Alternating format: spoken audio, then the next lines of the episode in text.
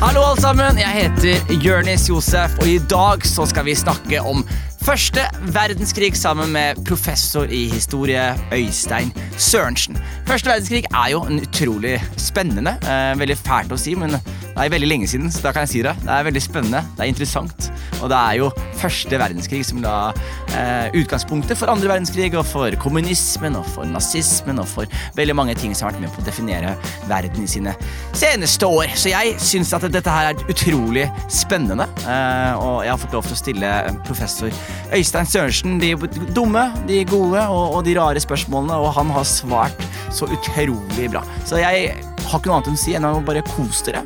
Eh, lukk historieboka. Eh, lytt etter her, og bli klok sammen med meg og Øystein Sørensen. Du hører på Hva vet jeg? med meg, Jonis Josef.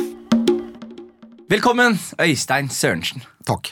Du, I dag så skal vi diskutere kanskje min favoritting i hele verden. Ikke krig, eh, men historie. Du er jo eh, historieprofessor. Hvor da?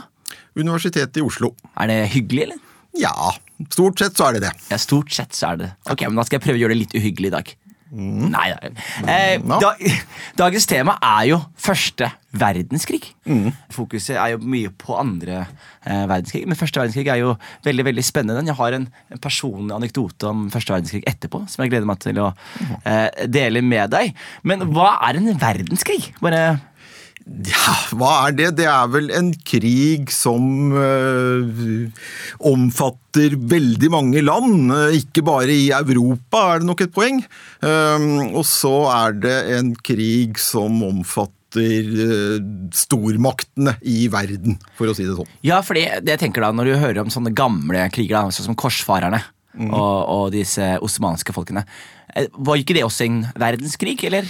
Nei, altså de var mer avgrenset. Ja. Altså, Det dreide seg ikke om annet enn eh, avgrensede områder. ikke sant? Altså, Ja. Første verdenskrig det var en krig som foregikk i Europa, men den foregikk også i Asia og i Afrika og i Stillehavet. Å, fy flate. Og USA var med også, så vi kan si at Nord-Amerika i hvert fall var involvert. Ikke sant? Og da, hva er det som på en måte ledet eh, til denne første verdenskrigen? Ja, altså Stikkordene er at det er stormaktskonflikter og allianser mellom stormakter og store og små land også. Og særlig Tyskland som er hovedskurken. Selv om ingen av stormaktene er noen engler akkurat, så kan vi vel si at Tyskland var en oppadstigende og aggressiv eh, stormakt. Og så eh, må vi også få med nasjonalitetskonflikter på Balkan. Det var det som utløste hele greia. Nasjonalitetskonflikter, det du mener da er eh, det- Var det oppløsningen av Jugoslavia, eller? Ja, Det eksisterte ikke noe Jugoslavia da, men Bosnia ble annektert av Østerrike, øh, som da var en del av et kjempestort imperium Østerrike-Ungarn. Og det var serbiske nasjonalister i Bosnia som ønsket å tilhøre Serbia. Og øh, vi kan vel si at det var den konflikten der som utløste krigen med det vi gjerne kaller skuddene i Sarajevo. Eh, nå til min personlige anekdote. Jeg var i sommer ute i et sted som heter Balestrand, ute, på, ute i Sogn og Fjordane. Og der fikk jeg fortalt en historie når jeg satt inne på hotellet til Kvikne, som er en familievenn av meg. Og da sitter vi der inne, og så forklarer de meg at eh, keiser Wilhelm pleide å ta båten ut til eh, Balestrandfjord og samle masse kunstnere og forfattere og akademikere på en båt ut til denne, eh, dette området på Balestrand som han var så veldig engasjert i. Og så satt han og forklarte meg at ja, han pleide å komme hit så ofte, og det var et veldig hyggelig sted. Og så sier han Og ser du den stolen du sitter på nå? sier han til meg. Så sier jeg ja. Så sier han der satt keiser Wilhelm når han fikk en telegraf om at nå hadde et skudd blitt av, avskudd, avfyrt i, i Bosnia. Ja, Har du noe å legge på det? Mm, Ja, ja, ja. Jeg har sittet i den stolen, jeg òg. Du har det, ja? Ja, ja, ja, ja. Så Keiser Wilhelm han var Norges venn, og han var på norgesferie omtrent hver eneste sommer mens han var keiser helt til første verdenskrig. Og da um, skuddet i Sarajevo, altså da den østerrikske tronfølgeren og kona hans ble drept av, i et attentat av serbiske nasjonalister. Ja, eh, det var i slutten av juni 1914, og da sto keiseren eh, sånn klar til å dra på sin årlige norgesferie med yachten sin. Og det var et veldig sånn spørsmål hva nå skulle han dra på ferie nå eller ikke. Og han gjorde det. Han gjorde det. Han dro på norgesferie. eh, Og han var, som du sa, i Balestrand. eh, Ikke da skuddene i Sarajevo falt, men da krigen brøt ut eh, en måned senere. Nettopp. Da Altså, den brøt ut ved at Østerrike, etter dette attentatet, og etter masse sånn stormaktsbruduljer og kriser i juli, ga Serbia skylden for attentatet, eh, og krevde ting av Serbia som eh, Serbia ikke kunne godta. Eh, og Østerrike backet opp av Tyskland, truet med krig. Ja, Fristen for det ultimatumet som Østerrike sendte Serbia, da det løp ut og krigen var et faktum, da var den tyske keiseren på ferie i ba Balestrand. Og han fikk det telegrammet at nå må du komme deg hjem, med, ta med jatten og komme hjem, nå, nå, nå, er krigen i gang. Ja, ok, for det, jeg prøver å skjønne da, eh, Europa ser veldig annerledes ut eh, før første verdenskrig. Så da er Østerrike og Ungarn er en kjempestor, eh, sterk nasjon. Eh, Jugoslavia er ikke blitt Jugoslavia ennå, men hvordan er det fordelt? Hvem, hvem er hvor? Og Ja, er- altså Hvis man ser på de store alliansene, altså her var det sånne store imperier. Eh, På den ene siden var det Tyskland, eh, som var mye større enn dagens Tyskland. Det var Østerrike-Ungarn, som var et kjempestort imperium. Og det var Tyrkia, eller rettere sagt det osmanske riket, Ja. som også var et kjempestort eh, imperium i 1914. Med f.eks. hele Midtøsten var tyrkiske eh, provinser. Men eh, det var liksom den ene siden. Og den andre siden var Storbritannia, Frankrike og Russland. Og Det var også imperier. Altså Russland var et kjempestort imperium, og både Storbritannia og Frankrike var kolonimakter. Så de hadde massevis av kolonier i Afrika, f.eks. for eksempel. Ja, ikke sant, ja. Og eh, når dette skuddet her ble, ble av Fordi jeg tror det er veldig mange som eh, ser på dette skuddet i Sarajevo som årsaken til eh, første verdenskrig, men det er vel kanskje ikke det? Nei, altså det var det som utløste krisen, kan vi si. Og så rullet det på seg. Men Altså, lå det og ulma i lufta at det skulle ja, bli altså det hadde vært kriser, og det hadde vært liksom to stormaktsallianser som sto mot hverandre. Øh, Og det hadde nesten blitt krig øh, flere ganger før 1914, men det var blåst over. Eh, Og det var ikke gitt at skuddet i Sarajevo skulle føre til noen storkrig heller, og slett ikke den verdenskrigen det ble. Mm. Men det var det vi kan kalle en utløsende eh, årsak. Og Hvis man liksom skal gå ned og se på mekanismene som utløste dette, så var det veldig enkelt sagt at eh, ja, Østerrike, Ungarn truet eh, Serbia med krig. Og la opp til en sånn eh, liten lokal krig i Balkan-området, for å si det sånn. Ikke noe mer enn det. Men Serbia eh, hadde garantier fra Russland. Eh, om hvis Serbia ble angrepet, så skulle Russland stille opp. Og Russland var alliert med Frankrike og Storbritannia. Og særlig det med Frankrike er viktig. Hvis eh, Russland ble involvert i en krig, så skulle Frankrike stille opp. Liksom, det var den ene siden. Og den andre var Tyskland, som presset på Østerrike. Eh, og var, som jeg sa i stad, den virkelig aggressive parten som eh, har hovedskylden for at dette eskalerte til en eh, verdenskrig. Og hvor er Norge i alt det her? Ja, Norge var en fredelig liten plett, og Norge greide å holde seg nøytrale gjennom hele krigen. Det gjorde for så vidt også Sverige og Danmark også, så vi kan si at Norden det var et sånn fredelig nordvestlig område i Europa, da. Ikke sant. Ja, Det syns jeg er eh, veldig fast. Så det var ingen i Norge som var involvert i Eller sikkert noen, noen da, men Ja, det var noen. altså det var Den norske staten var, drev og prøvde å balansere, øh, og det var vanskelig nok. Men det var jo noen som ble involvert, altså særlig sjøfolk. Man huske på at liksom, Den norske marinen har vært veldig viktig Ja. uh, i moderne tid, og den var veldig viktig, altså handelsflåten. Og uh, begge de krigførende partene, ja, de uh, forsøkte å blokkere hverandre, eksempel, og hindre sånn handel til og fra eh, hverandre. Og særlig tyske ubåter senket eh, handelsskip, også norske. Så det var faktisk et par tusen norske sjøfolk som ble drept under første verdenskrig. Ja, Du sier ubåter, jeg synes er veldig spennende. fordi krig avler jo veldig mye blod og, og faenskap, om jeg kan bruke det ordet. Men det er også veldig mye innovasjon som oppstår. Eh, var det noe spesielt som eh, ble oppdaget i første verdenskrig? Ja, du nevnte ubåter. Altså, det er jo eh, en noe som for alvor ble brukt. Altså Man kan ikke si at ubåten ble oppfunnet i 14, eller noe sånt, men uh, ubåter ble satt inn første gang for alvor på bred front i kriger under første verdenskrig. Og de viste seg veldig effektive. Det er også andre ting som man kan nevne i samme forbindelse. Eh, Fly.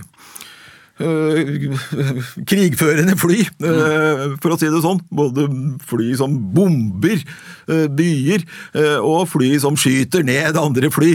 Det var ja, ikke helt nytt, det heller, men det var første verdenskrig der det virkelig ble satt inn på bred front og hadde et gjennombrudd. Eh, det jeg lurer på er, det krigen, Hvor mange år varte den? Fire år. Fire år. Og det, det, jeg bare prøver å tenke på hvordan er det å leve i Altså Det er ikke alle som er i krig, ikke sant? men hele Europa er jo i en krigssituasjon. Kunne det smelle når som helst i Oslo? Kunne det smelle når, Hva folk altså, Hvordan preget krigen menneskene? Ja, alle som levde i Europa, i hvert fall da, de var jo preget av krigen, selv om sånn som i Norge, landene de levde i, var nøytrale.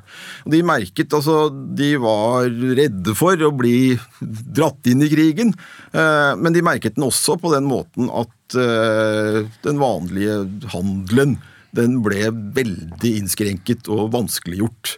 Altså, Norge var et sånt land som handlet mye med omverdenen, altså både med England og med Tyskland. Eh, og det ble plutselig veldig mye vanskeligere under første verdenskrig. Så i Norge for eksempel, kan man si at ja, under første verdenskrig så eh, ble det mangel på masse varer. Eh, og det ble sosial uro og det man kaller dyrtid. altså Pga. varemangel så ble varer, nødvendighetsvarer ble mye, mye dyrere. Mm. og det, det, dette var et problem for mange i Norge. Altså Det var ikke på nivå at de nordmenn sultet i hjel, så, så vidt jeg vet. Men det var på nivå at vi kan snakke om veldig sånn tydelig sosial uro. Historien blir jo skrevet av vinneren. Men hvorfor er Tyskland så sure? Og aggressive? Ja, eh, En grunn kan man vel si at eh, ja, Tyskland tapte første verdenskrig, men hvis du hadde spurt den jevne tysker eh, fire måneder før krigen sluttet, altså krigen sluttet i november eh, 1918, hadde du spurt den jevne tysker sommeren 1918 om vi kommer til å vinne, så tror jeg de aller, aller fleste tyskerne hadde vært overbevist om at de ville vinne. Eh, Tyskland altså Det kan man si skyldes propaganda, men ikke bare det. Man må huske på at eh, da krigen sluttet i november 1918, så var det ikke en eneste fiendtlig soldat som sto på tysk jord. Så eh, Tyskland, eller tyskere, i hvert fall veldig mange tyskere, eh, opplevde dette som et sjokk. De kunne ikke skjønne hva det var som har skjedd nå. Så taper vi? Hva? Og de, og de andre alliansene, hadde de, trodde de de skulle tape? Det var vel litt opp og ned. Altså, man kan si at dette var en veldig jevn batalje. da. Eh, Og den bølget litt sånn frem og tilbake gjennom krigen. Eh, Men eh, det var vel ikke noen sånn sikre forestillinger om at de allierte ville vinne før de siste månedene av krigen. Altså, det man kan si veldig kort om det, er at altså, da var Tyskland egentlig helt utmattet. Altså, De hadde ikke ressurser lenger til å fortsette krigen. Det, det visste den militære ledelsen, men det holdt de kjeft om. Mens de allierte fikk større og større ressurser fordi de fikk plutselig masse hjelp fra USA. Som Ja. kom inn i krigen i 1917 og sendte soldater og, og utstyr, ressurser, alt mulig til Europa. ikke sant? Og jo mer og mer de kom med i krigen, se, jo sterkere ble de allierte. Mens Tyskland ble mer og mer utmattet. Og sånn, aller siste sprell fra Tyskland var en sånn offensiv eh, sånn vår-sommer 1918. Og den mislyktes. Og etter det så var, da var Tyskland ferdig. Men før det så var det ikke gitt hvem som skulle vinne. Så det du forteller meg nå, er at eh, hadde det ikke vært for amerikanerne, så hadde vi snakka tysk i Frankrike og England? Vel, eh, det er kanskje å gå litt langt og ta litt vel hardt i, men det er i hvert fall ikke umulig at vi ville ha lært eh, tysk som annetspråk på skolen, og ikke engelsk. Det kan jeg si Ja, sånn. ikke sant? Ja. Ja. Eh, Fordi det jeg lurer på da, eh, min gode mann, er at jeg har venner som er uvenner, som ikke snakker til hverandre pga. En, en hendelse for mange år siden. Og så lurer jeg på hvordan Altså, de snakker ikke til hverandre engang. Hvordan klarer man å få deeskalert en verdenskonflikt som har tatt livet av millioner av mennesker, med så mye følelser inne i bildet, med så mange byer som er skadet for alltid, og arv som har forsvunnet Altså, hvordan?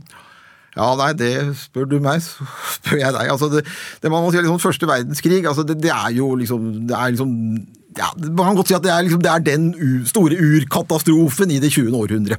Altså Det går linjer fra første verdenskrig til liksom, Jeg skal ikke si alt som er uh, leit og fryktelig senere i det 20. århundre, men veldig mye. Altså, På grunn av første verdenskrig så fikk vi nazismen og annen verdenskrig. Altså Det ville vært helt utenkelig med noe Nazi-Tyskland hvis det ikke hadde vært for første verdenskrig. Og det ville vært helt utenkelig også med et kommunistisk Russland-Sovjetunionen etter hvert. Hvordan eh, altså, eh, Jeg prøver å se for meg hvordan mennesker i en fire år blodig krig som har mistet eh, flere millioner av sine landsmenn og venner Hvordan møtes man og, og kommer til en fredsavtale? Hvordan er den prosessen fungerer, og hvordan formulerer man en sånn fredsavtale? Ja, det er et stort tema som jeg tror, jeg tror ikke vi rekker å gå så mye inn på det. det men, men, altså, kortversjonen er at øh, det ble jo inngått fredsavtaler, øh, og de var beinharde, særlig mot Tyskland. Og man kan vel si det sånn at de var oppfattet som helt urimelig urettferdig beinharde i Tyskland. Og den fredsavtalen som Tyskland ble påtvunget, ja, altså den er en viktig grunn til at Hitler kunne få makten og gjøre Tyskland til Nazi-Tyskland. Eh, Og så ble både Østerrike-Ungarn og eh, Tyrkia, det osmanske riket, som også var tapere, altså de ble partert. Altså de eh, imperiene eh, ble eh, tatt fra hverandre, eh, og man fikk masse nye stater og landområder. Og man fikk også eh, opplegg til masse nye konflikter. Som siden vi skal avslutte nå, skal jeg ikke begynne å si noe mer enn stikkord eh, Midtøsten-Palestina. Ja, ok, da skal jeg prøve å oppsummere så godt det her lar seg gjøre. Det er jo veldig omfattende eh, tema. Men eh, første verdenskrig eh, lå og ulma litt i lufta pga. diverse allianser og diverse avtaler og litt uenigheter litt, litt omkring. Og det som blant annet skjer her, er at dette skuddet i Sarajevo eh, setter i gang en sånn dominoeffekt, hvor andre stormakter må gå inn pga. garantier som er blitt gitt, osv. Som da eskalerer og eskalerer til det som ble første verdenskrig, som jo var en krig som tok eh, En utrolig blodig krig, som tok livet av eh, millioner av mennesker, både direkte og, og indirekte i ettertid. Eh, dette var også en tid for mye militær eh, innovasjon. Dette var en veldig, veldig jevn krig, veldig lenge, strekker seg over fire år. Og hadde det ikke vært for en amerikansk intervensjon i 1917, eh, så hadde mest sannsynlig kanskje Tyskland kommet seirende av gårde. Det vet man jo ikke, men det lå i hvert fall veldig i kortene, fordi tyskerne hadde trua på det, og britene var litt skeptiske eh, til det. Eh, dette, denne krigen her eh, vet dere, en, eh, endte opp med å, å, sanksjonere Tyskland beinhardt i ettertid. Eh, sanksjoner så harde at Tyskland sammen med Adolf Hitler eh, satte i gang en andre verdenskrig. fordi de var veldig urimelige krav. da. Og ringvirkningene av første verdenskrig de føler vi på allerede føler veldig på i dag. Eh, verden hadde sett veldig annerledes ut hvis ikke det hadde skjedd. Eh, kommunismen hadde kanskje ikke fått sin fremmarsj. Så det var en fullstendig blodig og forferdelig krig, men veldig, veldig interessant. Er det en god oppsummering? Ok, fint. Da sier jeg tusen takk til deg, Øystein Sørensen.